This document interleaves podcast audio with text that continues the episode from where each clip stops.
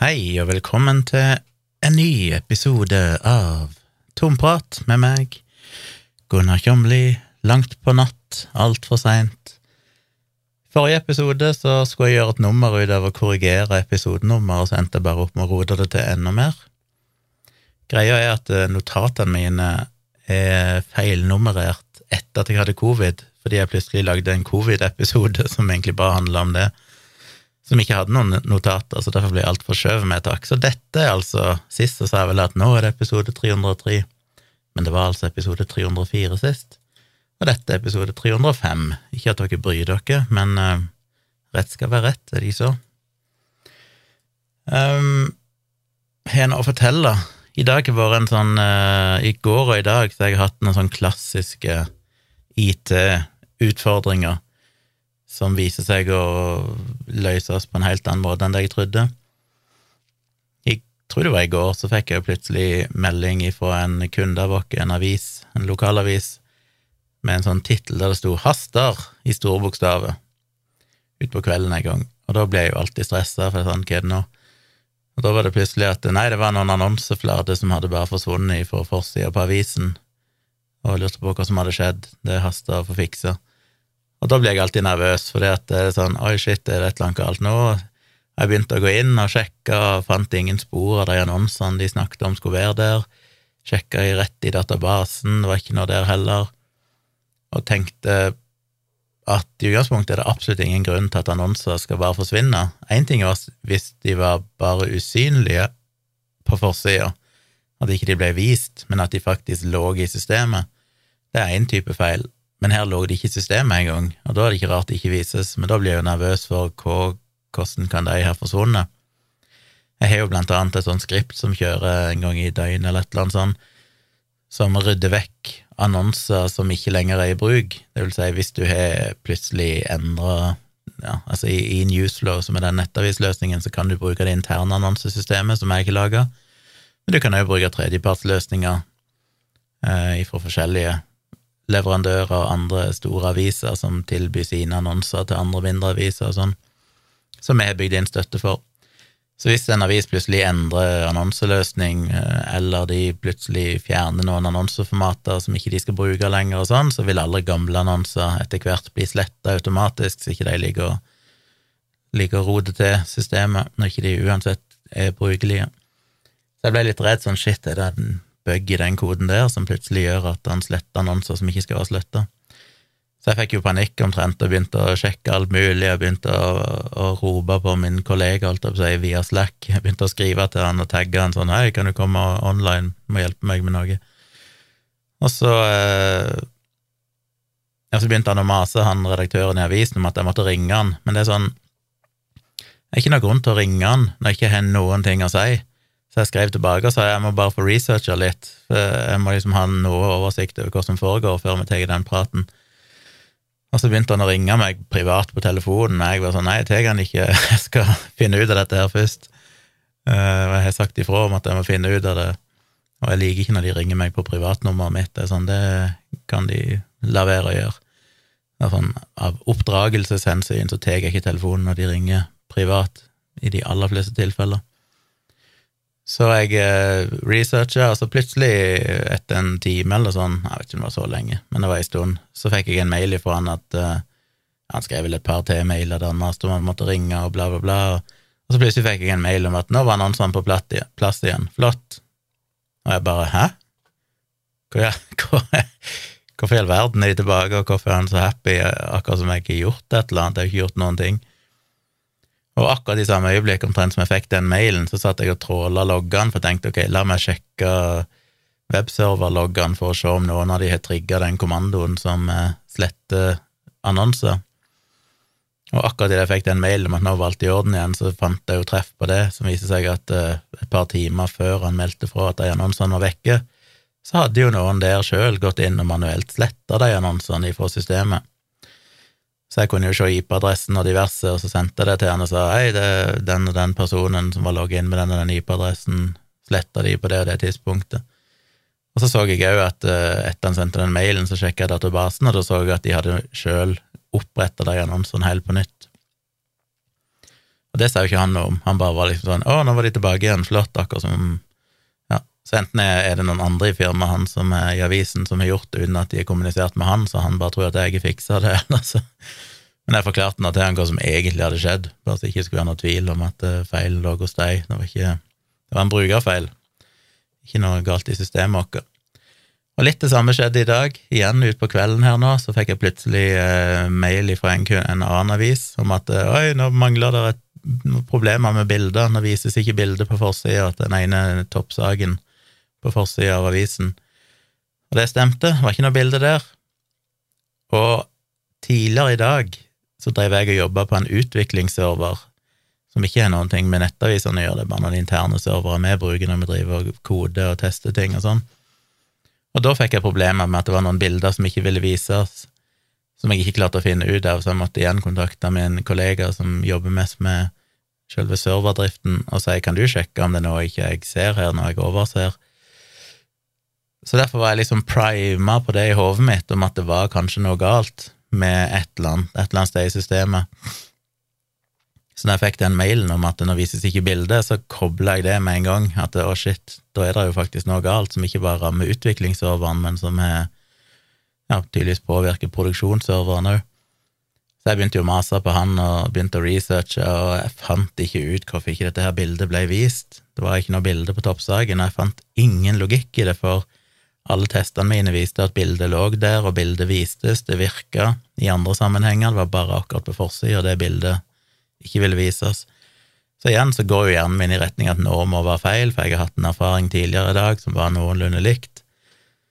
Og så til slutt så oppdaga jeg jo feilen etter å ha gjort masse greier for å teste, og det var jo bare at på forsida eller på fronten da på avisene så kan kundene sjøl velge mellom masse forskjellige layouter eller maler, sånn at de kan bygge opp forsida si basert på forskjellige seksjoner med forskjellige layouter og sånn. Og da hadde de jo valgt en layout på den øverste delen av avisen som skulle ha en toppnyhet som ikke viser bildet. For noen av malerne har noen sånne plasser der det bare er tekstnyheter og ikke, ikke bildenyhet. Så det hadde de valgt. Det var absolutt ingenting galt, alt var jo akkurat som det skulle være, så det var jo bare for deg inn og to klikk og bare endre til en annen layout-mal på fronten, eller i den delen av fronten, så vises jo bildet igjen. Satt det en gang en feil som var brukerens egen feil, og jeg burde ha sett begge delene ganske fort, men fordi du ja, har hatt noen erfaringer eller frykter at du begynner plutselig å koble det med ja, men jeg vet jo at det er noe sånt, kan det være det som er feilen? Og så gjør jeg det altfor komplisert, og sånn som Tone også sa til meg da jeg fortalte det til henne, at siden jeg kjenner systemet så godt, siden jeg ikke laga det fra bunnen av, så jeg, så er det fort gjort å tenke for komplisert, for jeg begynner jo å tenke kode og servere og system, og alle plassene et eller annet kan være feil, og glemme å tenke at uh, det enkleste er jo ofte det riktige i sånne saker. Veldig ofte så er det bare en brukerfeil, og veldig ofte så burde jeg ha begynt å researche i, i en annen ende. Jeg begynte, burde ha sett på de mest åpenbare tingene først, men det virker bare så altfor åpenbart at det kan liksom ikke være det. Men så var det jo det. Så det er sånn som eh, er bortkasta tid. Kaster jeg bort eh, noen timer på sånne ting som er helt meningsløst. Men, men. Forhåpentligvis så lærer jeg av det, sånn at neste gang så tenker jeg at det kan det være det og det, istedenfor at jeg begynner å tenke altfor alvorlig og komplisert. I går så så jeg eh, Folkeopplysningen, nye sesongen av NRK Folkeopplysningen med Andreas Wahl og co. Og første episode handla om gift, og det er jo et tema som står meg veldig nært, fordi at jeg har jo blogga om eh, ja, det meste av det de egentlig snakket om, eller iallfall mye av det de snakket om i den episoden, er jo ting jeg har blogga om for lenge siden. Så jeg sitter jo alltid og ser sånne episoder, så bare er det sånn Å, kommer de til å si noe om det, og kommer de til å si noe om det, og å, det er jo alle de tingene jeg skrev om. Og så blir jeg alltid nysgjerrig på har de lest bloggen min, har de blitt inspirert av det? Hvis ikke, så burde de, fordi da hadde spart de for mye arbeid, for det stort sett de samme tingene de trekker fram, som jeg allerede har systematisert og lenka til studiene og alt dette her. Men det er superflinke folk som jobber i redaksjonen der, så det var en eh, bra episode som jeg syns gjorde det meste riktig. Det er jo akkurat de tingene jeg sitter bare og irriterer meg så når folk begynner å være redd for E-stoffet og alle de klassiske tingene, sprøytemidler. Og jeg likte godt at de trakk fram det paradokset som jeg sjøl har trukket fram mange ganger i bloggen min. Jeg skrev jo en gang en bloggpost om det i forbindelse med Øyafestivalen, der de var så veldig opptatt av at de hadde biodynamisk vin og økologisk vin. Det er sånn, herregud, når du sitter og frivillig betaler penger for å tylle i deg etanol, som er et klasse 1 kreftfremkallende stoff, og så er du redd for at det skal finnes mikroskopiske rester av noe hypotetisk sett, kanskje teoretisk mulig at det kan, over lang eksponering, føre til en eller annen helseskade, selv om det aldri er påvist. Det er ganske paradoksalt. Jeg likte det at de trakk fram at den aller største giften du omgir deg med i hverdagen, eh, nest etter røyking, da, som er ganske åpenbart for de fleste, er jo alkohol. Og det med alkohol er jo ikke så åpenbart for de fleste. Det er sjokkerende lite kunnskap, tror jeg, hos folk flest om hvor farlig alkohol er at eh, Hva det var det en ny sak nå der igjen, for ikke så lenge siden, der de påpekte at én av fem eller én av tre eller et eller annet sånn sykehus, sengeplasser, var jo tatt opp av folk med alkoholskader. Det er jo helt absurd. En betydelig overvekt av alle kriminelle handlinger, alle voldshandlinger, voldtekter, alt dette her, så er det alkohol involvert. Det er jo det er fascinerende. Det er jo Jeg mener, vi tenker på at vi forbyr sånn som eh, pinneraketter fordi at det skjer en håndfull øyeskader hvert år, som selvfølgelig jeg er helt for. Det er jo helt idiotisk med de rakettene, men det er litt fascinerende at på grunn av en håndfull med øyeskader, så forbyr vi noe sånt som det. Men når det gjelder alkohol, som er så Det er liksom snakk om hundretusenvis av ganger større skader hvert eneste år. Så er det fortsatt noe vi ikke egentlig har lov å problematisere så mye. Jeg mener ikke at vi skal forby det, vi vet jo av erfaring at det å forby alkohol, det funker veldig dårlig. Det er litt som å forby abort. Eh, men, eh, men ja, jeg er glad at Norge er relativt strengt regulert, at det er forbudt med alkoholreklame, at vi har veldig begrensa salgstid for alkohol, alt dette her, og jeg mener vi kunne stramme det inn enda mer. Fjerne alkohol fra butikkene og sånne ting. Men det er en annen debatt. Men det er viktig iallfall at de fokuserte på det, fordi folk trenger virkelig å høre eh, det, og det er jo rart at ikke det står på alle alkoholholdige drikker at dette er kreftfremkallende. Når du må skrive det på snusbokser, at det kan være de kanskje, Hva skriver de nå for tida? De har vel ikke lov å skrive at det er kreftfremkallende. De kan vel bare skrive at den kan være helseskadelig og avhengighetsskapende, er det de skriver på snus, og der har vi jo egentlig ingen god evidens for at det er det. Men som alkohol så er det jo ingen tvil. Enorme mengder evidens for at det er skadelig. Men det står ikke, det er ikke sånn at de må plutselig selge alkohol i nøytrale, brune, brun, spygrønne pakninger merka med helseadvarsler. Det er veldig rart for meg at det Som sagt, det er ikke for at det skal forbys. Jeg mener for voksne folk skal ha lov å, å få tak på det. Akkurat som sigaretter og, og snus. Det får folk velge sjøl. Men at det er unntatt for alle sånne advarsler om helserisiko, når helserisikoen er så helt sinnssykt mye større enn for f.eks. snus, er merkelig. Men det var én ting jeg syns Folkeopplysningen bomma på og som jeg syns er en ganske alvorlig feil på mange måter.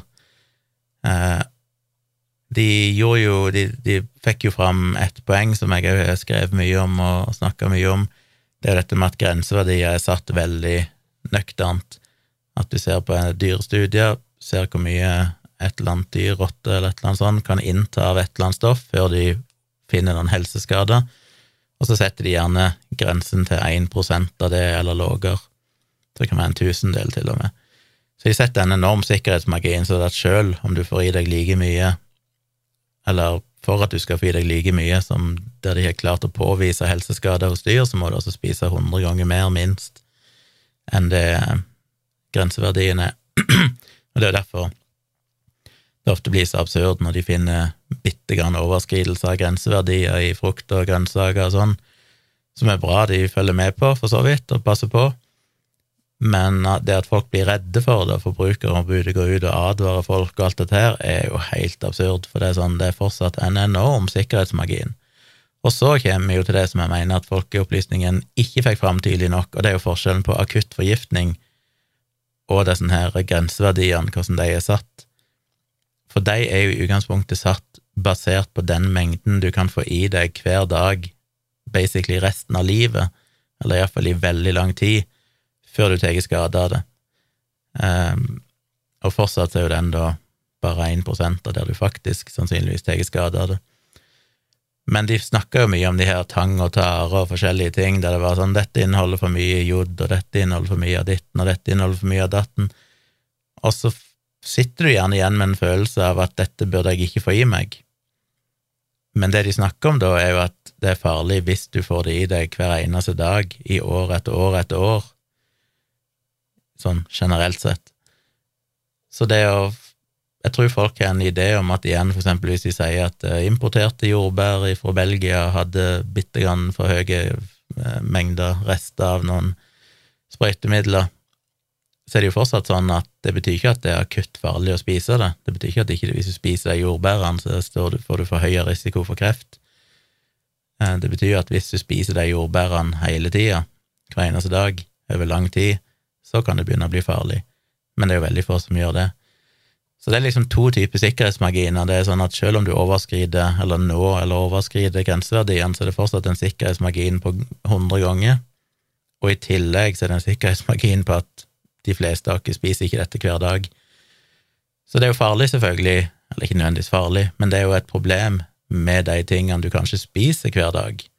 Det er da det faktisk er interessant å se på, men veldig mange av de tingene som dukker opp i nyhetene og sånn, er jo ting du gjerne spiser noen få ganger, som nesten er luksusvare, eh, sesongstyrt og alt mulig sånn.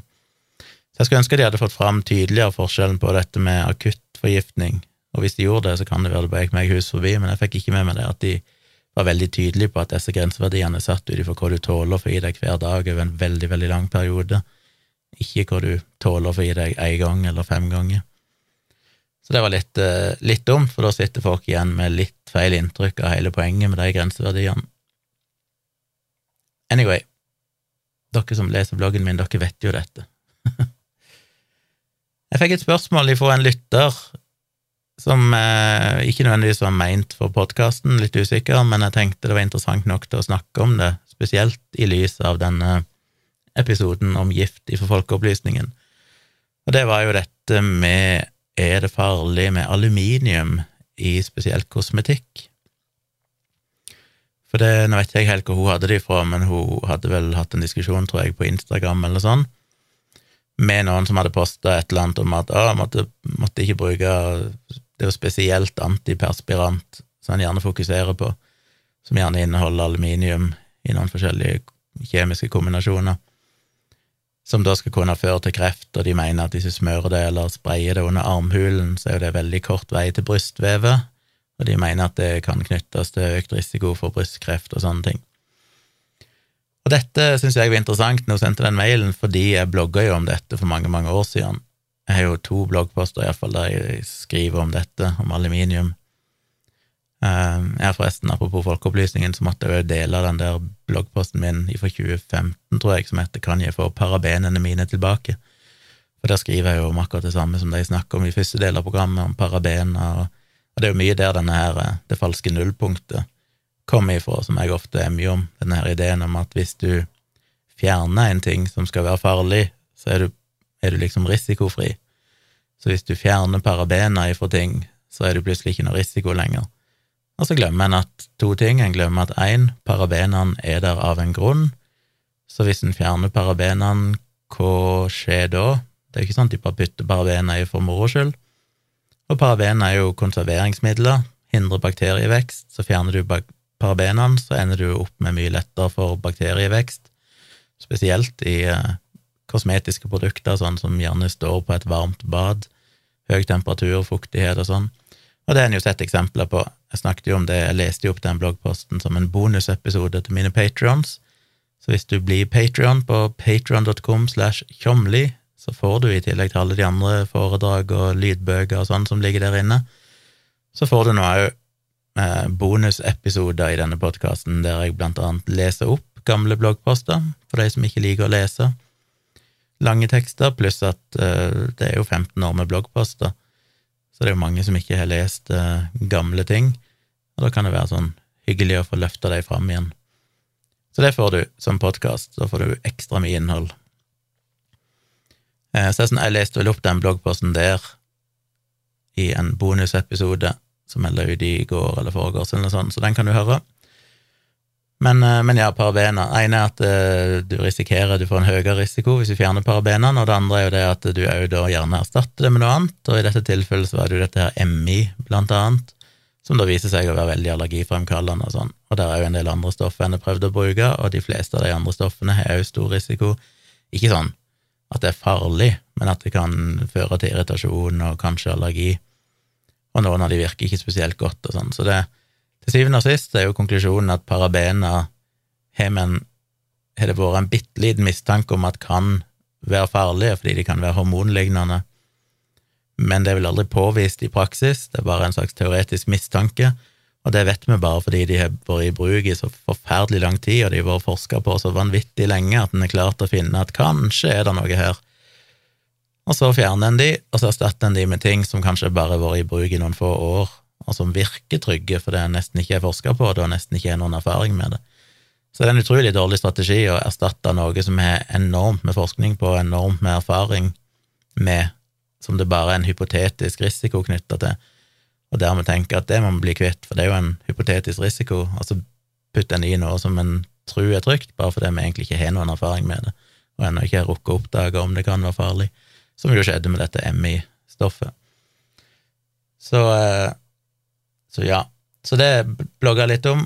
Eh, hvor var jeg hen, egentlig? Antiperspiranter. Aluminium. Jeg har om det òg. Jeg skal lenke til de to bloggpostene i shownotes, hvis dere vil lese de. Men det var på grunn av deg, egentlig, at eh, når hun sendte meg den mailen, så bare trigga jeg med en gang og tenkte ja, la meg dra fram disse gamle bloggpostene, og så, og så sendte hun meg en link etterpå der hun sa at uh, det var en artikkel hos Vitenskapskomiteen for mat og miljø, eller VKM, som noen hadde lagt til grunn for at uh, aluminium kunne være farlig.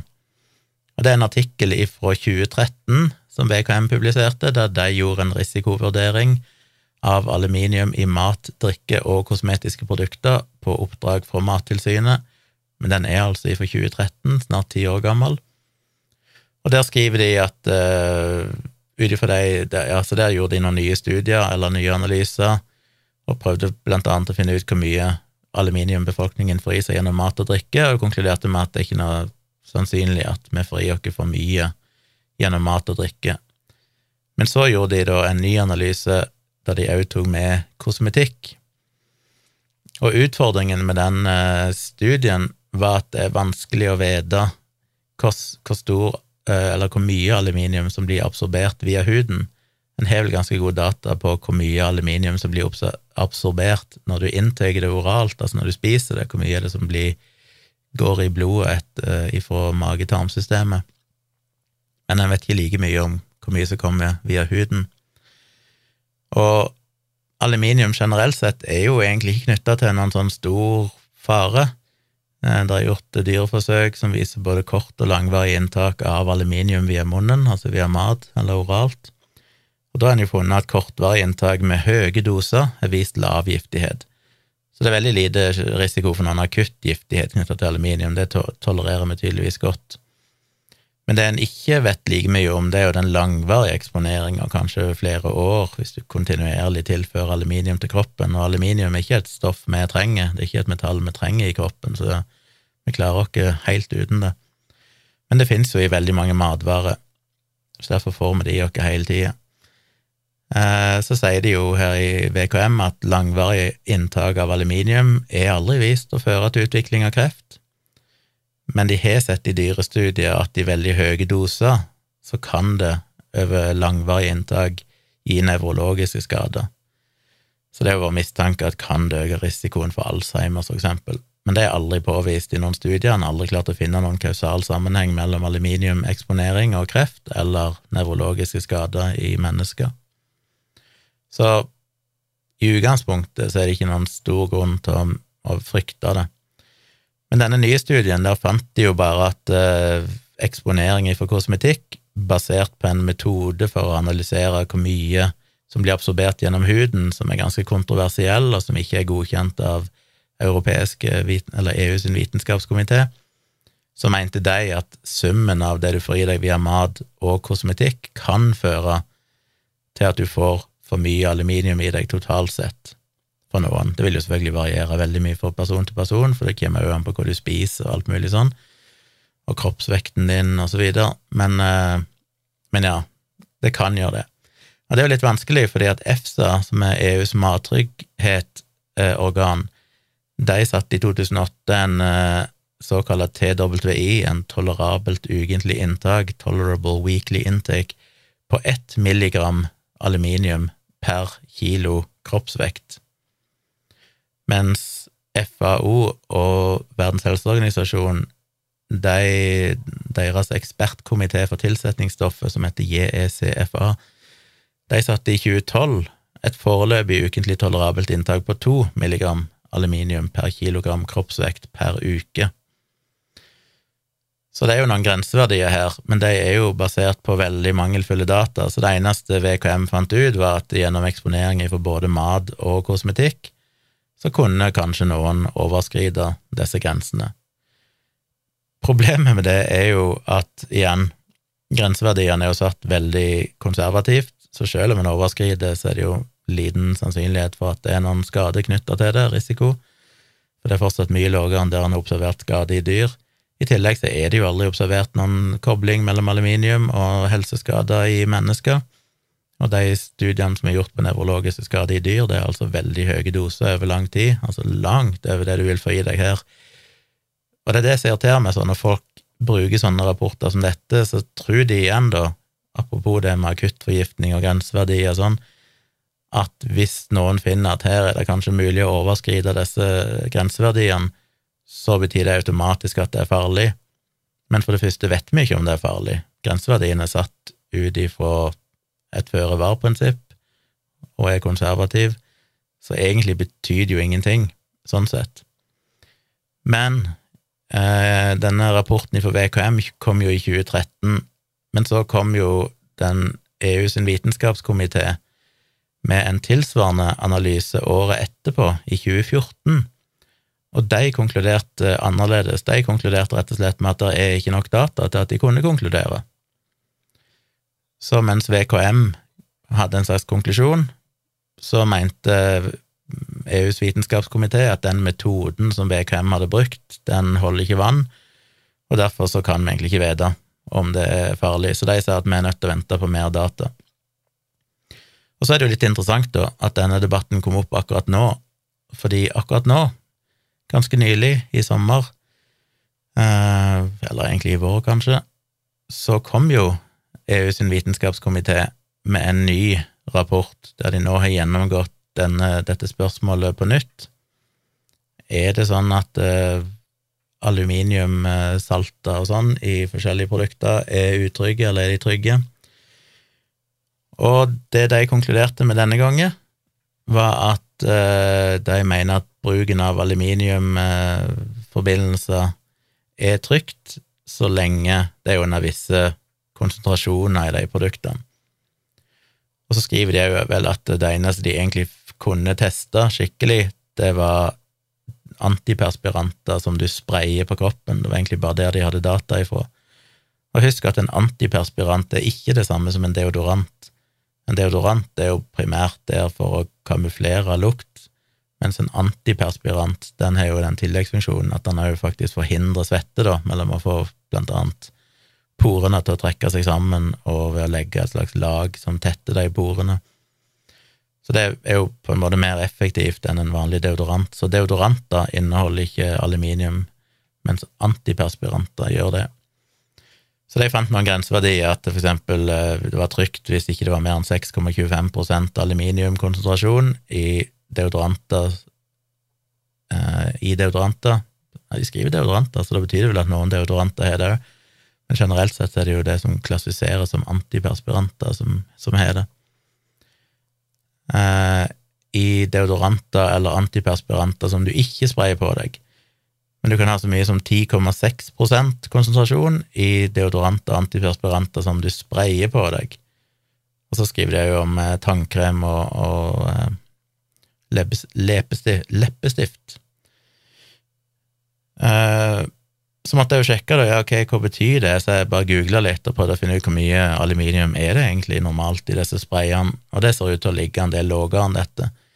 Så det betyr jo i praksis at de sprayene du kjøper i butikken, har konsentrasjoner som er lavere enn det de her sier er trygt, ergo så skal de være trygge. Men samtidig så sier de jo at det mangler jo fortsatt data til å vite noe veldig sikkert, og dette kommer nok til å endre seg. Det betyr ikke at de kommer til å finne ut at det er farlig. Jeg tviler veldig på det, for det har vært aluminiumforbindelser i disse produktene i alle år, og det har jo ikke akkurat vært en eh, epidemi av den type kreft som har økt, så vidt vi vet, knytta til dette.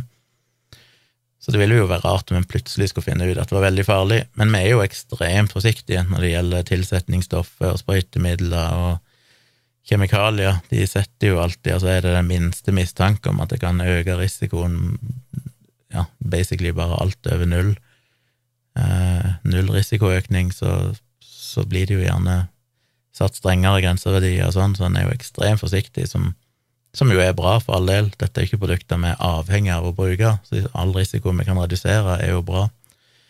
Samtidig så føles det alltid litt absurd med tanke på de egentlige risikoene, da, som for eksempel at folk røyker og drikker og, gjør mye annet som er betydelig farligere, men som sjelden blir problematisert på samme måte. Ja, det er jo ekstra ironisk når det kom en ny studie nå nettopp som igjen hadde sett på dette med alkohol og fant at det var ingen helsefordeler knytta til alkohol. Altså alle sånne her mytene om at et glass rødvin om dagen og sånn er sunt, det begynner jo virkelig å rakne, selv om dette er jo ting jeg skrev om for sikkert 12-13-14 år siden, det er jo ikke noe nytt. Skriver jo om det i eh, håndbok i krisemaksimering òg, vel.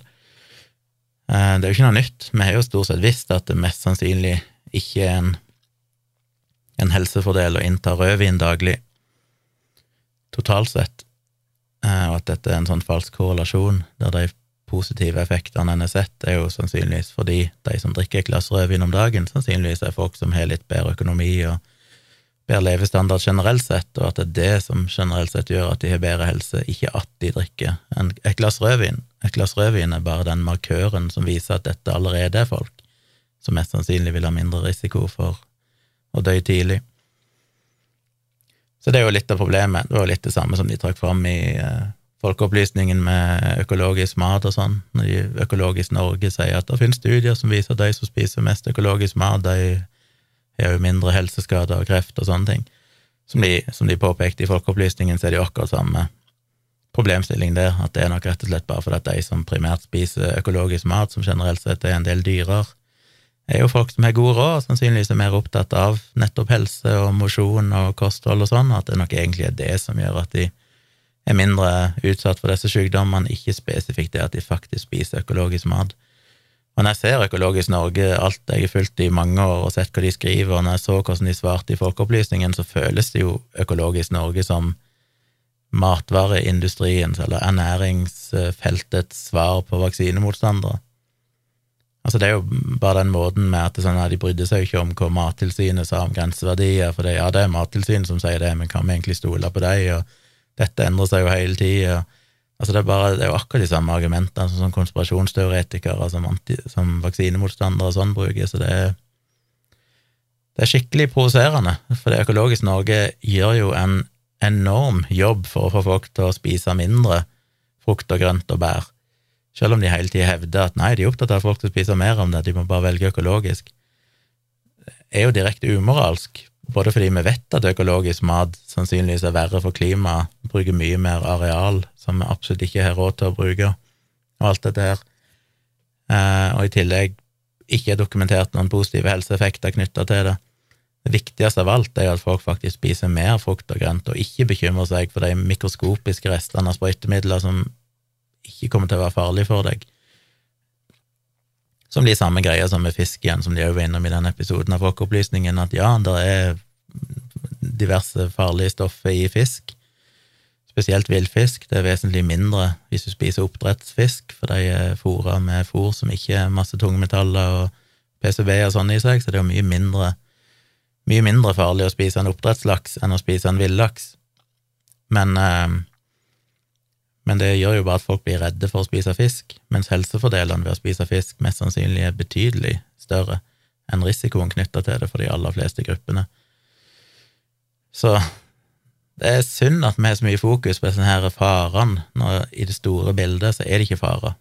Og det var jo egentlig budskapet til Folkeopplysningen òg, at dette er jo egentlig ikke farlig, slutt å bekymre dere. Er mye viktigere å bare spise de tingene, for de er så sunne i seg sjøl. Så konklusjonen eh, til EUs vitenskapskomité i 2022 er altså at det ser ut til å være trygt å bruke disse stoffene, eller antiperspiranter med aluminiumsforbindelser i seg. Um, så jeg vil ikke bekymre meg over det, er vel konklusjonen. Så kom jeg over en artikkel igjen om eh, El Salvador og bitcoin. Jeg har jo snakka om det i en tidligere episode, og jeg blir stadig sjokkert over å se at mange av disse kryptovalutafantastene fortsatt fremstiller El Salvador som en slags frelser i verden, og han der kuken av en president, hva han heter, Nayib Bukele, som en sånn eh, fantastisk bra fyr fordi at han innførte eh, bitcoin som offisiell gyldig valuta i landet her for når var det? Noen få år siden. Ja, det er bare et par år siden, eller var det i fjor, kanskje? Kanskje i fjor. Ja, i fjor eh, fjor høst. Og for det første er jo Nayib Bukele en jævla kuk. Han er jo basically en diktator. Han er jo arrestert et tonn med journalister sånn, som skriver kritisk. altså Det er jo klassisk diktator, det er klassisk antidemokratisk, han er moden fri presse. Han er jo arrestert og fengsla tonnevis av folk helt uten noen skikkelig rettssak og sånn, for han skal liksom eliminere problemet med, med, kriminalitet. Og det er jo alltid populært at folk, diktat, diktatorer kommer inn og bare burer inn masse folk og er liksom hard mot de harde. Så blir det kanskje mindre kriminalitet, men så glemmer en at uh, det er jo faktisk folk der som bare blir arrestert og fengsla helt uten noen rettssak, og som kanskje er uskyldige og alt det der. Det bryr ikke folk seg så mye om. Så han er jo en forferdelig fyr. En fyr det ingen, på ingen selvs måte er noen grunn til å hylle. Og folk i hele verden er jo ekstremt bekymra for den veien det går i El Salvador, med at han er kommet inn og nå oppfører seg mer og mer som en diktator og undertrykker demokratiet og sånn. Men det betyr ingenting for disse bitcoin-fantastene, fordi han er jo for bitcoin, og da er jo alt greit. Så litt sånn med, med Elon Musk omtrent, at de kanskje gjennom fingrene med all jævelskapen hans, bare fordi at han er liksom for, for uh, kryptovaluta. Så det er en artikkel her i, uh, fra Reuters der de skriver litt om, uh, hovedsakelig om en sånn svær by, Bitcoin City, som han skulle etablere, som skulle være en sånn skatteparadis for folk som ville investere i krypto og sånn.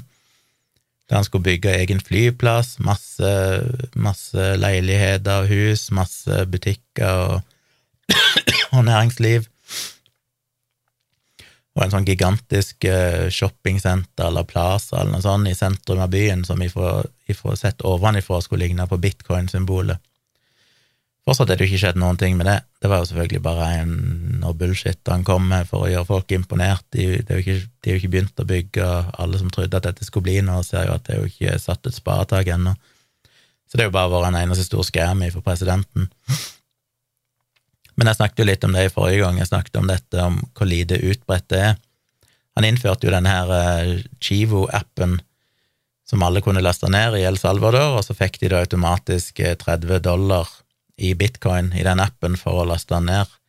Og det førte jo selvfølgelig til at veldig mange lasta ned med en gang, fordi de fikk jo gratis penger. Og målet hans var at den skulle liksom erstatte bankene på en måte. De skulle bruke den og ha, ha bitcoinene sine der og kunne bruke den til å betale med alt mulig sånn. Så har det jo vist seg nå at uh, bare 20, 20 av de som opprinnelig lasta ned den appen, har fortsatt å bruke den i det hele tatt etter at de hadde brukt opp de 30 dollarene som de fikk gratis. Så bare én av fem bruker den appen i det hele tatt. I tillegg så har de jo funnet ut at så godt som all nedlasting skjedde i september 2021, da den appen ble sluppet, og det er nesten ikke vært en eneste download av den appen i 2022.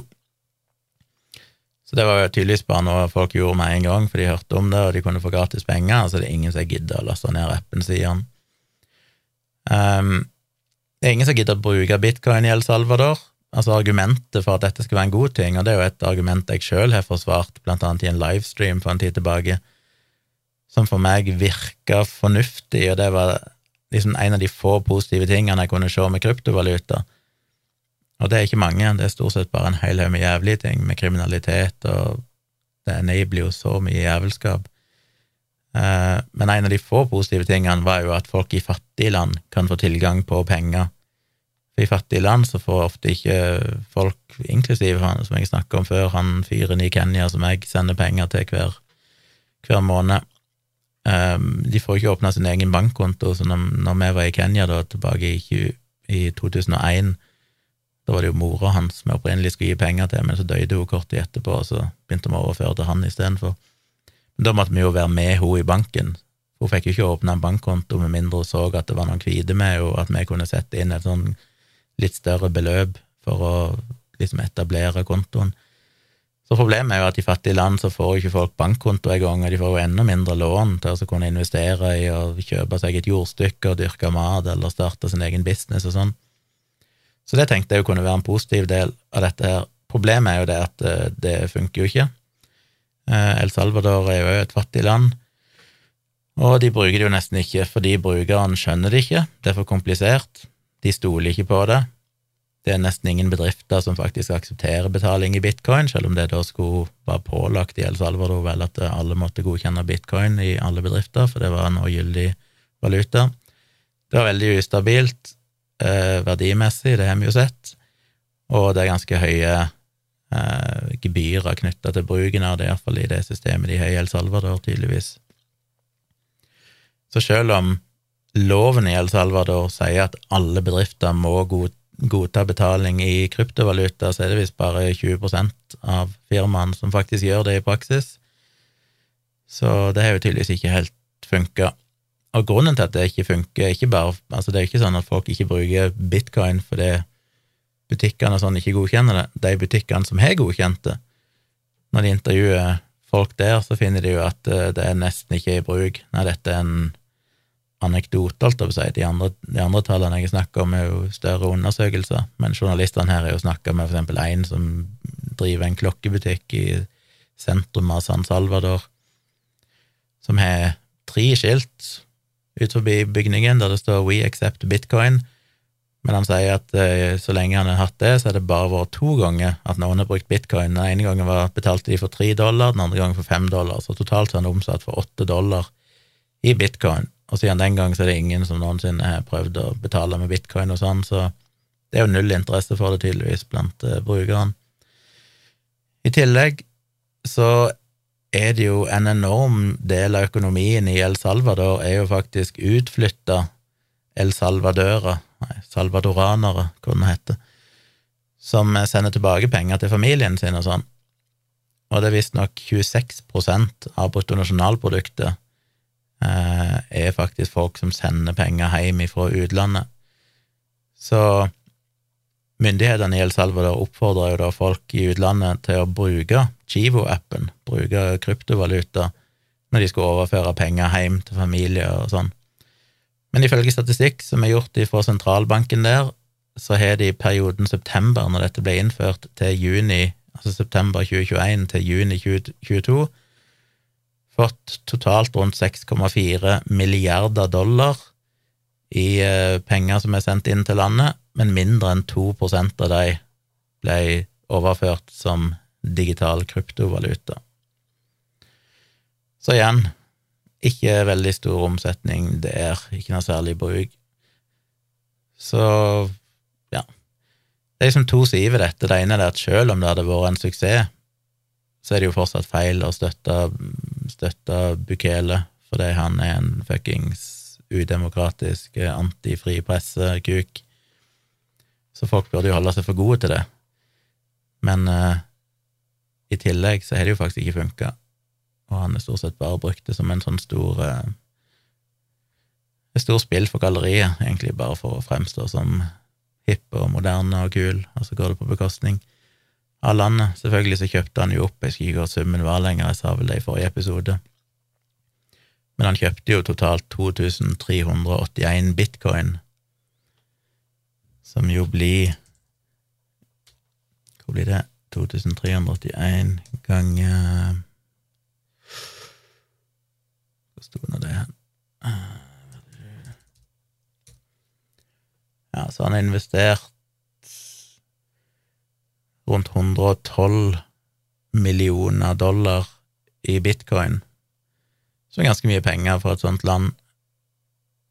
Um, ja, 112 millioner bitcoin, eller dollar, for å kjøpe bitcoin, hvis jeg regner riktig. Ikke ta det tallet så nøye, jeg sa det i forrige episode, men, uh, men det var jo basert på verdien av, av, bitcoin i september, som var da 47 000 dollar per bitcoin. Nå er jo den sunket til 19 770 ganske nylig, altså mer enn halvert. Så det har jo vært en ekstremt dårlig investering for uh, landet, og har jo skada landet sin økonomi i tillegg. Så en ganske så stor fadese, vil jeg hevde, og nå må jo snart krypto-fanboys og fangirls begynne å være litt ærlige med seg sjøl om hva som egentlig skjer i El Salvador. Jeg fikk også lyst til å snakke litt om en artikkel skrevet av en eh, Facebook-venn av meg som heter Tor Martin Austad,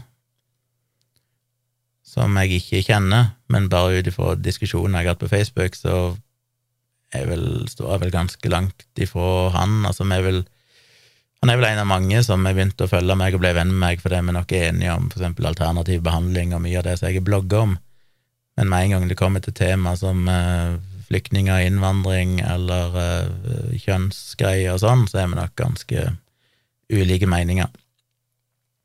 Så han hadde jo en, eh, et gjesteinnlegg, leserinnlegg, på trykk i Subjekt her nå, for uh, ikke så lenge siden eller det ble vel publisert tilbake i mai, ser jeg, slutten av mai, men nå har det visst gjort åpent, for det ligger bak betalingsmur. Så han har fått de til å legge det åpent. Og den handler egentlig om ja, tittelen er 'Når antirasisme avler rasisme'. Og så skriver han masse da om innebygd rasisme og mange sånne ting. Jeg er enig i veldig mye av det han skriver, det er ikke noe, i utgangspunktet noe galt med artikkelen. Eh, men poenget hans er, som jo det er hos mange av de her eh, kulturkrigerne, det er liksom at ja, men egentlig så er det ikke så mye rasisme, og det er liksom feil når plutselig problemet begynner å bli at at hvite har en slags white privilege og alt mulig sånn, at vi blir diskriminert på en måte, eller får negative karakteriseringer i kraft av å være hvite. Og er det ikke på tide at vi begynner å slutte å se på hudfarge, for hvis vi egentlig skal bli kvitt rasisme, så må vi jo slutte å snakke om svarte og hvite, mens det som egentlig skjer, er at det bare blir mer og mer fokus på at svarte skal behandles sånn og sånn, og hvite skal føle skyld og sånn, så egentlig når vi jobber mot rasisme, så ender vi egentlig opp med å bare skape mer rasisme. Og han har jo selvfølgelig et poeng i det, men det er ganske mye å si om det likevel. Det er, det er en sånn eh, Jeg vet ikke, det er en sånn greie jeg blir så skuffa når jeg leser sånne artikler, for det er sånn det føles litt som meg sjøl som 14 år gammel, der du bare plutselig har en idé, eller du føler at du har gjennomskuet alt, og sånn 'aha, har folk tenkt på det?' Og så er det sånn 'ja, dette har folk tenkt på', og hvis du tenker et par steg lenger, så begynner det plutselig å bli litt mer interessant. Men det er liksom denne her første overfladiske analysen som gjerne da kom på trykk, og så kom alle disse her klassiske kulturkrigerne på høyresida og sånn 'ja, se, dette er kjempebra', og så har de liksom ikke tenkt de ekstra stegene som faktisk er der det egentlig interessante ligger. Og en av tingene jeg syns er viktig å si, og det var en sånn, jeg husker ikke det var vel en eller annen podkast jeg hørte, de trakk fram dette med For det er jo mange av disse her jeg Vil tippe Jordan Peterson snakker om det, og sikkert Joe Rogan og den gjengen der. Den ideen om hvor feil det er at hvite skal føle skyld, eller at det finnes noe som heter for white privilege. Jeg vet jo at eh, Jordan Peterson har snakka mye om det blant annet i forelesningene sine og sånn til studenter, om hvor feil det er at liksom hvite har noen form for fordeler.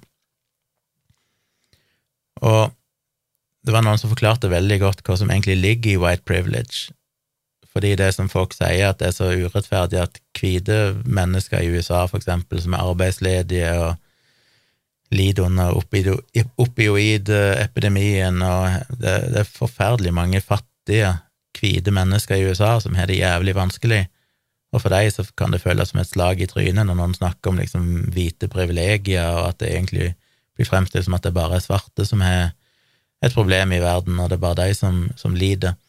Og det skjønner jeg, men problemet er at white privilege betyr ikke at hvite mennesker ikke kan ha det vanskelig. Eh, hvite mennesker kan òg være hjemløse, hvite mennesker kan òg være arbeidsledige, de kan slite med rus, de kan slite med enorm fattigdom, alt mulig sånn. Men forskjellen er at hvis du er hvit og er hjemløs, hvis du er hvit og er fattig, så er det sannsynligvis ikke fordi du er hvit. Og det er den store forskjellen. hvis du er fattig, hjemløs, et eller annet som svart, så er det ganske sannsynlig at en del av grunnen er rett og slett fordi du er svart, fordi du har blitt diskriminert, ikke bare i moderne tid, men fordi du fortsatt lider under diskriminering som skjedde for 50, 60, 70 år siden i USA. Og det kan en jo folk lese seg opp på, men det er jo alltid fra muligheten til å få seg hus, og hvordan det ble prioritert i før i tid, og så mange faktorer som spiller inn, som skapte en, en enorm klasseforskjell som de ennå ikke har klart å komme seg ut av. Men det er jo det som er poenget, det er det alle må huske når de snakker om, om hvite privilegier, så handler det ikke om at hvite ikke kan ha det jævlig og vanskelig, men det er veldig sjelden Årsaken til det er veldig sjelden fordi de er hvite. Det er det som er den store forskjellen på, eh, på hvite og svarte i den sammenhengen. Så det vil jeg bare ha sagt. Eh, derfor er det ikke helt irrelevant å snakke om white privilege og alt dette her. Men det var for så vidt ikke hovedpoenget. Poenget er jo dette her med at jeg ser dilemmaet med at vi snakker mer og mer om svarte og hvite og sånn, når målet egentlig er antirasisme. Men kan vi egentlig komme oss utenom det? Fordi skal du kunne korrigere urettferdigheten som har vært i generasjoner, så er du nødt til å se hudfarge.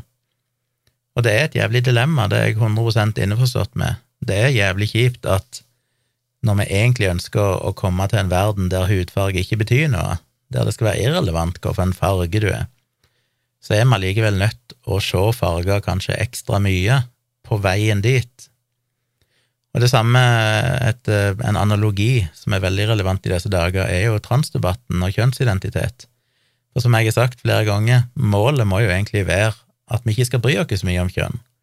At du ikke lenger kan bli født i feil kropp, rett og slett fordi det er ikke noen rett følelse å ha, basert på hvilken fysiologi du har. Er du født med en penis, så ikke, burde ikke det si noen ting om hvem du skal være, hvordan du skal oppføre deg, hva du skal like, hvilke hobbyer og interesser du skal ha, hvilke klær du har, hvilke farger du velger. Det bør jo ikke ha noe å si, så målet selvfølgelig en gang i framtida, for meg iallfall, det er jo selvfølgelig mange som ikke er enig i det, det er jo mange som mener at det å ivareta kjønn er ekstremt viktig. Jeg mener jo at målet bør være at vi ser mindre kjønn, at vi kanskje ikke tenker kjønn så veldig, at vi fjerner kjønnsspørsmål fra spørreskjema, at vi har kjønnsnøytrale klesbutikker og legebutikker for barn og alt det der. Men du kan ikke bare si at nei, men jeg ser ikke kjønn lenger, og da er problemet løst, og så bare ignorerer du at ja, men folk som sliter med sin kjønnsidentitet, er jo fortsatt diskriminert og har det veldig vanskelig. Du løser ikke det problemet. Og det virker jo alltid paradoksalt at transpersoner som er så opptatt av at kjønn ikke burde bety noe, er veldig opptatt av å transisjonere og bytte kjønn. Det virker jo litt paradoksalt. Men en kan jo forstå det, for at verden er sånn som den er akkurat nå, der kjønn fortsatt er viktig. Ergo så er jo de født inn i en verden der kvinner og menn har forskjellige stereotypier knytta til seg. Og da kan du ikke bare liksom ignorere det, være den der ensomme helten som bare hever seg overalt og, og ikke bryr seg. Det er jo selvfølgelig en del av det òg. Til en viss grad kan jeg vel si at folk som erklærer seg som ikke-binære, har vel kanskje på en måte konkludert litt i den retning. Eh, eller folk som er kjønnsflytende, som føler seg mer som en kvinne en dag og mer som en mann en annen dag, og lever helt fint med det. Men vi kan ikke bare si at uh, vi ser ikke kjønn, ergo er problemet løst fordi da ignorerer vi at mange som sliter med sin kjønnsidentitet, fortsatt har det jævlig vanskelig å bli utsatt for mer vold og trakassering og mobbing og har en lavere livsstandard. Og samme er det jo med rasisme. Vi kan ikke bare si at nei, men um, jeg ser ikke noen farger, så derfor er ikke rasisme et problem. Fordi rasisme er et problem, og det problemet har en historisk årsak i veldig stor grad, selv om folk kan si at i dag så er det ikke mye rasisme lenger. Vel, for det første så er det jo bare å lese litt på internett, så ser du fort at uh, i kommentarfeltene på diverse alternative medier og sånn, så ser en jo fort at det er ganske så mye rasisme fortsatt. Men det er nok lite systemisk rasisme, selv om den på ingen slags måte er fjerna, som jeg snakket om tidligere, altså folk som har et uh, arabisk-klingende navn, vil ha mye vanskeligere for å, å, å få tilslag på en jobbsøknad enn en som heter Ola Nordmann, liksom. Det er det jo gjort mange undersøkelser som viser, så det, det er ikke noen tvil om at det fortsatt er systemisk rasisme. Jeg vil også tro det finnes i politiet. Det er jo liten tvil om at politiet nok i større grad følger med på å sjekke folk eh, og svarte ungdommer eh, sammenligna, eller ungdommer med åpenbar innvandrerbakgrunn sammenligna med hvite vestkante gutter og jenter. Så den type rasisme fins jo. Den er vel ofte ikke vondt meint. Den er nok ikke vondt i den liksom mest klassiske forstand av ordet rasisme, som at du ser på noen som mindreverdige. Eh, det tror jeg verken politiet eller nesten det er nok veldig få, liten andel av nordmenn som fortsatt har en sånn reindyrka rasistisk holdning. Noen finnes det jo selvfølgelig, det vet vi jo, men, men det er nok relativt liten andel. Men det betyr ikke at ikke rasisme fins, at ikke det er mange som oppfører seg rasistisk. Og det er det mange årsaker til. Det trenger ikke bety at du ser ned på noen, men du forskjellsbehandler de allikevel. Så det kommer ikke utenom. Og for å forstå hvorfor det er sånn, så må vi forstå historien, vi må forstå hvorfor disse forskjellene er blitt sånn som de er. Det er klart det er jo mye tyngre i et land som USA, eh, som faktisk har hatt rasesegregering i mye større grad og sånn, en mye mer brutal historie knytta til rasisme, som i mye større grad har påvirka samfunnet deres sånn som det er i 2022. Det samme ser vi ikke i Norge eh, på helt samme måte. Så derfor blir det ikke fullt så relevant her. Men iallfall i USA, der de stort sett kulturkrigerne henter alle sine eksempler ifra når de skal fortelle hvor woke verden er blitt, og hvor grusomt alt er, og alt Vesten gjenger til helvete, så er det jo USA de ser på. Og hvis de virkelig tror at du kan se på USA og bare ignorere historikken der og si at ja, men hvis vi bare ikke ser farger, så er problemet løst, da glemmer de jo at det hjelper jo ikke de som faktisk fortsatt lever under konsekvensene av det som skjedde for 70 år siden og det er det ganske mange som gjør. Så det blir en sånn naiv artikkel for meg. Det er sånn, Ja, i teorien så er jeg jo enig med hva poenget hans er, vi burde selvfølgelig slutte å se farger, og han er nok ikke enig med meg, vil jeg tro, at vi burde slutte å se kjønn, for jeg tipper at han er ganske opptatt av mannemenn og kvinnekvinner. Men, eh, men akkurat med rasisme så er vi sikkert enige om at det bør være det endelige målet, men det er samtidig å trampe på ofre for rasisme og tro at vi ikke skal se farger lenger, for vi er faktisk nødt å se farger for å kunne rette opp i den uretten som er gjort i alle år. Og så må vi gradvis prøve å fjerne noe ifra det. Og sammen med, med kjønn. Vi er nødt til å se kjønn en periode for å prøve å rette opp i og, og likestille alle, før vi kan etter hvert komme til et punkt der vi kan begynne å se vekk ifra kjønn. Så jeg syns det var litt viktig å, å påpeke. Og så til slutt nesten siste artikkelen jeg skal ta for meg, det var bare siden jeg snakka om det før, dette her med falskt kjøtt, holdt jeg på å si, kjøtterstatningsprodukter. Spesielt knytta til miljø. Og der var det en ny artikkel nå hos Ars Technica som så på eh, en ny studie som er gjort, som har prøvd å finne ut liksom hvor bærekraftige er egentlig disse alternative kjøttproduktene. Og jeg er, jo, jeg er jo stor fan av deg, som jeg snakka om før. elsker jo burger og alt mulig rart laga av uh, Beyond-burger og alt dette her. Beyond-pølse og forskjellige. Spiser en del av det. Men hvor miljøvennlig er egentlig det? Fordi vi vet jo at kjøtt er veldig fører til mye utslipp av klimagasser. Men er det så mye bedre med disse falske produktene? For det, det er greit nok at de er basert på grønnsaker, men for å prosessere de, det er jo temmelig prosesserte ting, så er det mange komplekse prosesser som foregår før du kan foredle disse soyabønnene, for eksempel, eller erter, eller det som er brukt til det produktet som ender opp som dette falske kjøttet, eller kjøtterstatningen, plantebaserte i gåsehudkjøttet. Og hva er egentlig klimagassutslippene, vannforbruket osv. knytta til det? Så det er noen som har gjort et sånn livsløps eh, forsøk på å beregne livsløpsutslipp og klimaeffekt av disse kjøtterstatningene. Og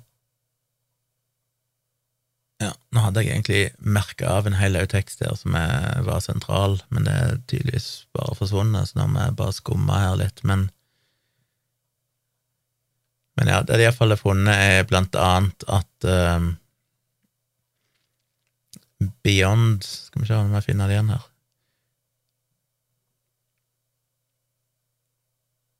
Ja, Beyond Nei, Impossible sin burger, som jo ikke i salget i Norge, fordi at vi tillater jo ikke GMO-produkter, og den inneholder vel genmodifisert soya. Men Impossible sin burger, ifølge en studie som ble utført av det selskapet som lager Impossible Burger, der de altså fikk et eksternt firma til å komme inn og analysere det, så fant de at uh, Impossible Burger førte til bare 11% så mye klimagassutslipp som det en tilsvarende mengde eh, ekte kjøttbasert biffburger ville ha sluppet ut. Så kan jeg selvfølgelig stille spørsmål ved hvor objektiv er den studien, men Beyond, som er en annen produsent, har jo gjort en tilsvarende studie, og de fant at deres utslipp var omtrent 10 av eh, ekte kjøtt. Så der har du to produsenter som selvfølgelig ønsker at det skal se bra ut, som kommer fram til ganske så gode tall. Men det ser ikke ut til å være nødvendigvis feil, for det er en helt uavhengig eh, studie som er gjort av forskere ved Johns Hopkins-universitetet. De pløyde gjennom alt av publisert litteratur på området, og fant eh, til slutt elleve sånne livsløpsanalyser, og fant at i snitt så var utslippene fra plantebaserte kjøtterstatninger bare 7% av det som ekte kjøtt har, når du regner per mengde protein, ferdig protein. Så til og med den uavhengige studien kom omtrent til samme, bare faktisk enda bedre resultat enn det produsentene sjøl var. Så jeg tror jeg vi kan føle oss relativt trygge på at selv om en kan sikkert diskutere de tallene sånn spesifikt, så er nok eh, de tallene åpenbart betydelig lavere, kanskje bare ned i en tiendedel av utslippene fra ekte kjøtt. De fant òg at eh, de plantebaserte produktene òg var bedre enn eh, svinekjøtt og kylling, selv om effekten der er litt mindre. De var, hadde vel 57% av klimagassutslippene til svin, og 37% altså omtrent en tredjedel, litt over en tredjedel av klimagassutslippene til kylling.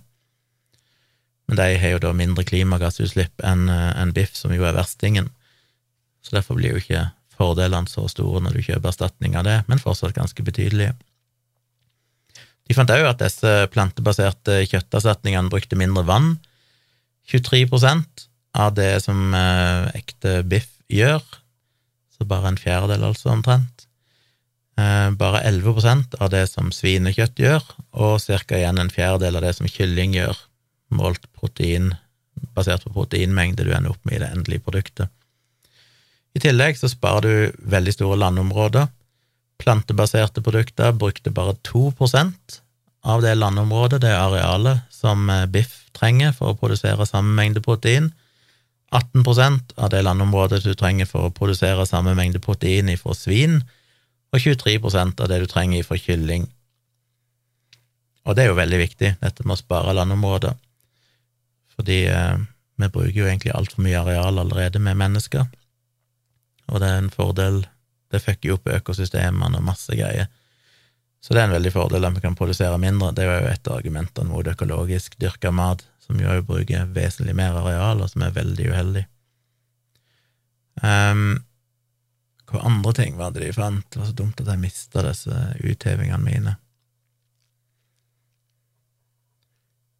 Ja, så er det jo det at de sier at det varierer jo veldig mye, selvfølgelig, basert på hvordan du faktisk produserer det, hvilke landområder, hvilke produksjonsmetoder som er brukt og sånn. Men det gjelder jo òg for ekte kjøtt. Det er jo stor variasjon i klimagassutslipp og land, eh, arealbruk og vannbruk og sånn, eh, basert på hvordan gårder praktiserer driften sin. Men de fant vel at generelt sett virker det som at til og med de verste tilfellene av dårlig produsert plantebasert kjøtt kom fortsatt bedre ut enn eh, enn de beste tilfellene, der de produserte ekte kjøtt. Så til og med der, så uansett hvordan du sammenligner det, så kommer de plantebaserte variantene bedre ut. Heter det bedre ut? Jeg vet ikke. Men så er jo problemet da at disse fortsatt er ganske mye dyrere. I USA så de regner ut til å være rundt 40, 43% dyrere enn ekte kjøtt. Og det gjør jo at de utgjør bare 1 av eh, kjøttsalget i USA. Hva det sa i en tidligere episode, at de utgjorde kanskje 2% eller noe sånt globalt. Eller var det i USA og Europa, eller var det bare Europa, jeg husker ikke. Men det er iallfall fortsatt en forsvinnende liten andel, og kjøttforbruket er jo estimert å ville øke ganske mye i årene framover. Så det er ganske viktig å prøve å få bytta ut kjøtt med disse plantebaserte erstatningene. Um, fordi det har enorme klimafordeler. Jeg må igjen skumme litt her. Altså står det litt i denne artikkelen om utfordringen med altså Én ting er jo å lage kjøttdeig og liksom kyllingnuggets og sånne ting med plantebaserte. Det er mye vanskeligere å lage en faktisk biff, fordi det er vanskelig å, å reprodusere den litt mer komplekse strukturen og sånn. Så de skriver litt om utfordringene der og hvordan de jobber med det, så det kan dere jo lese hvis dere leser artikkelen. Men så går de over til å se litt eh, på melk helt til slutt. Og det er litt interessant, for det er jo en del som foretrekker plantemelk. Hvis du er veganer, så drikker du jo melk basert på andre ting enn eh, ekte kumelk. Så hvordan kommer de ut i sammenligning med ekte melk?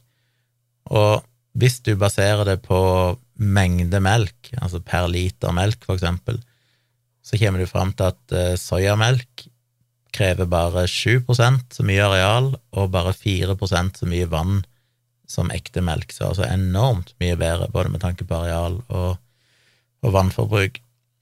Eh, det slipper òg ut bare rundt en tredjedel så mye klimagasser. Hvetebasert melk, eller hvetemelk, trenger rundt 8 av arealet og 8% av vannet, og er jo litt under en tredjedel så mye klimagasser. Og til og med mandelmelk, som ofte blir regna som et dårlig valg fordi det krever mye vann å produsere mandelmelk, så bruker du fortsatt bare 59% av det vannet som ekte melk krever. Men problemet med alle sånne analyser er jo alltid at du må vurdere hvordan du faktisk eh, Hvilken målestokk du bruker. Når det gjelder kjøtterstatninger, så så vi jo på mengde protein, altså hvor mange kilo protein du ender opp med, og det er en grei sammenligning. Men her, hvis du bare måler antall liter, på en måte, så er ikke det nødvendigvis en fullgod sammenligning, fordi næringsinnholdet kan være ganske variabelt. Så hvis du derimot heller måler næringsinnholdet mot hverandre, så kommer du ikke fullt så bra ut. Da viser det seg at soyamelk eh, kommer relativt bra ut, for der er det omtrent samme næringsinnhold, samme proteininnholdet, som det er i ekte kumelk.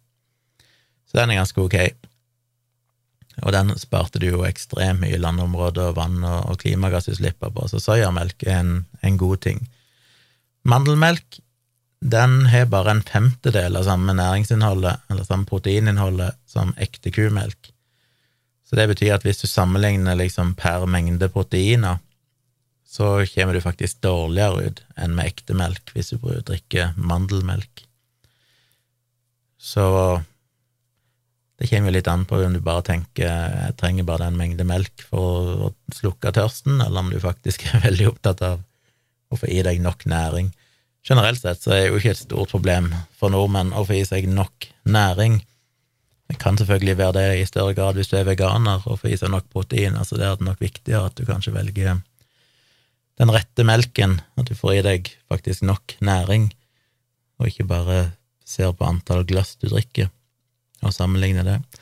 Så skal du velge plantebasert melk, så peker disse analysene iallfall, og det er sikkert ikke den endelige fasiten, men de har derfor kommet i retning av at soyamelk ser ut til å være en god ting. De skriver ingenting om havremelk her, men det er når du måler protein, liksom basert på proteininnhold, men, eh, men soyamelk bra, mandelmelk ikke fullt så bra.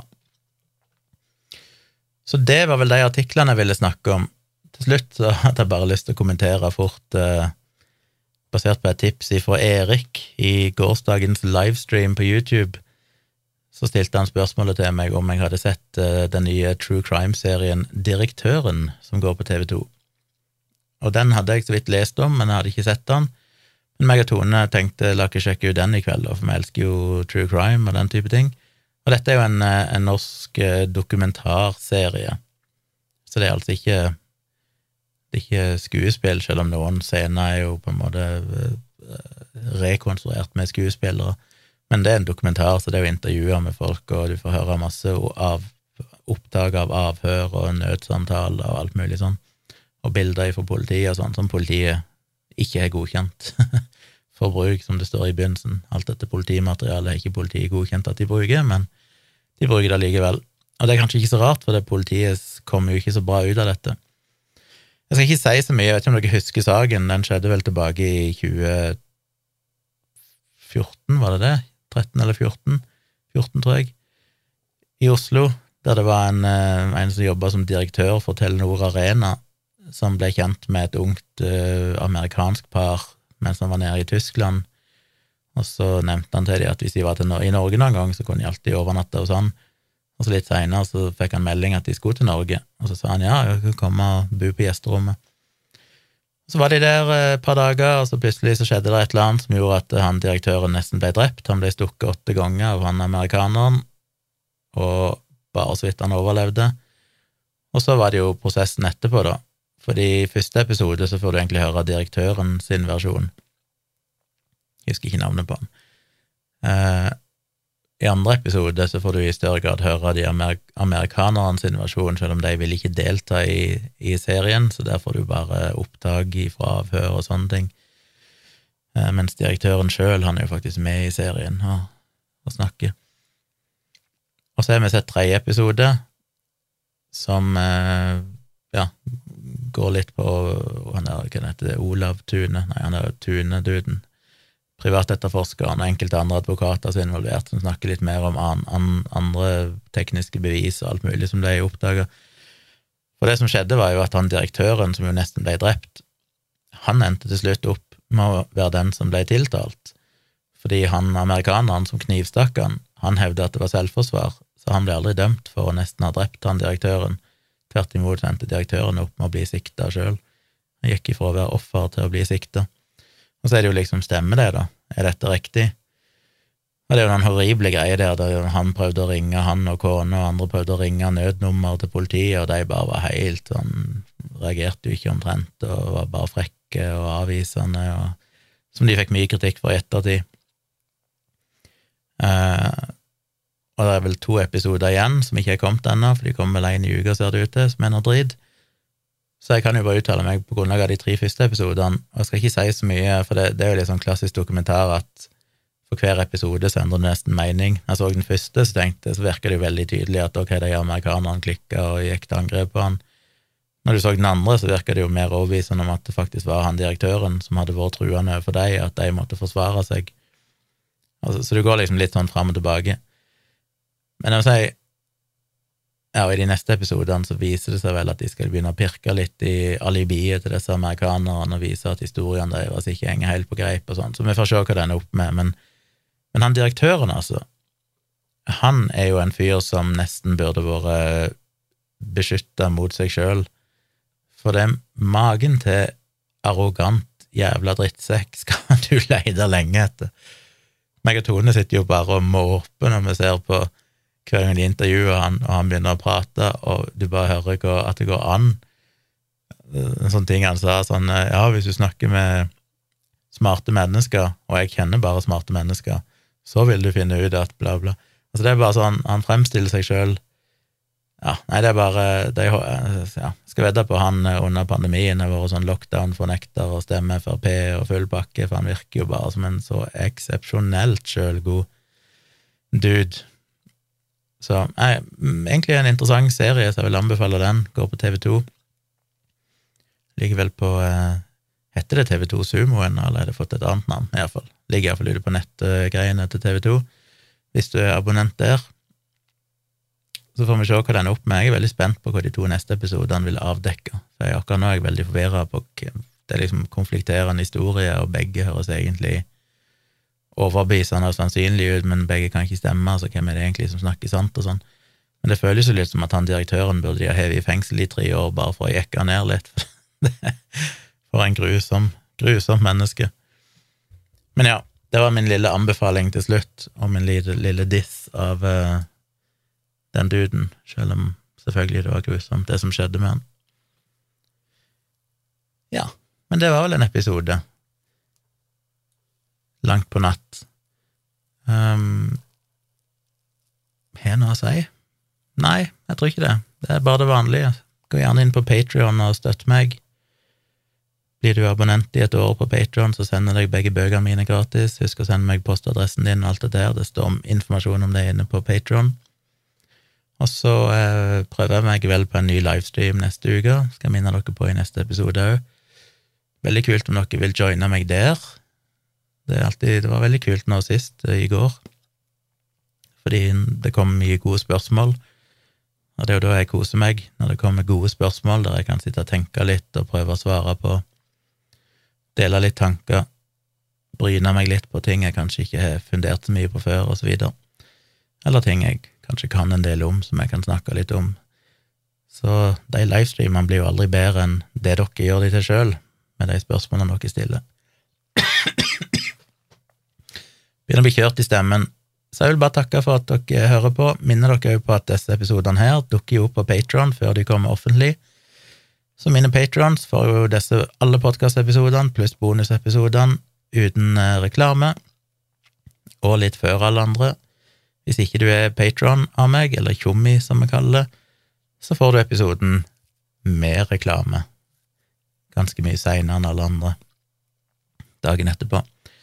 Eh, med mindre du hører det på Untold, da får du den òg reklamefri, men det koster jo òg penger. Så veldig hyggelig om dere vil støtte meg på Patrion. Det var alt for i dag. Jeg vil ønske dere en eh, god helg når den tid kommer, og så satser jeg på å være ute med en episode igjen på tirsdag. Så inntil da, toodaloo. Ikke to the loo der du skal på do, men toodaloo. Ja, ha det.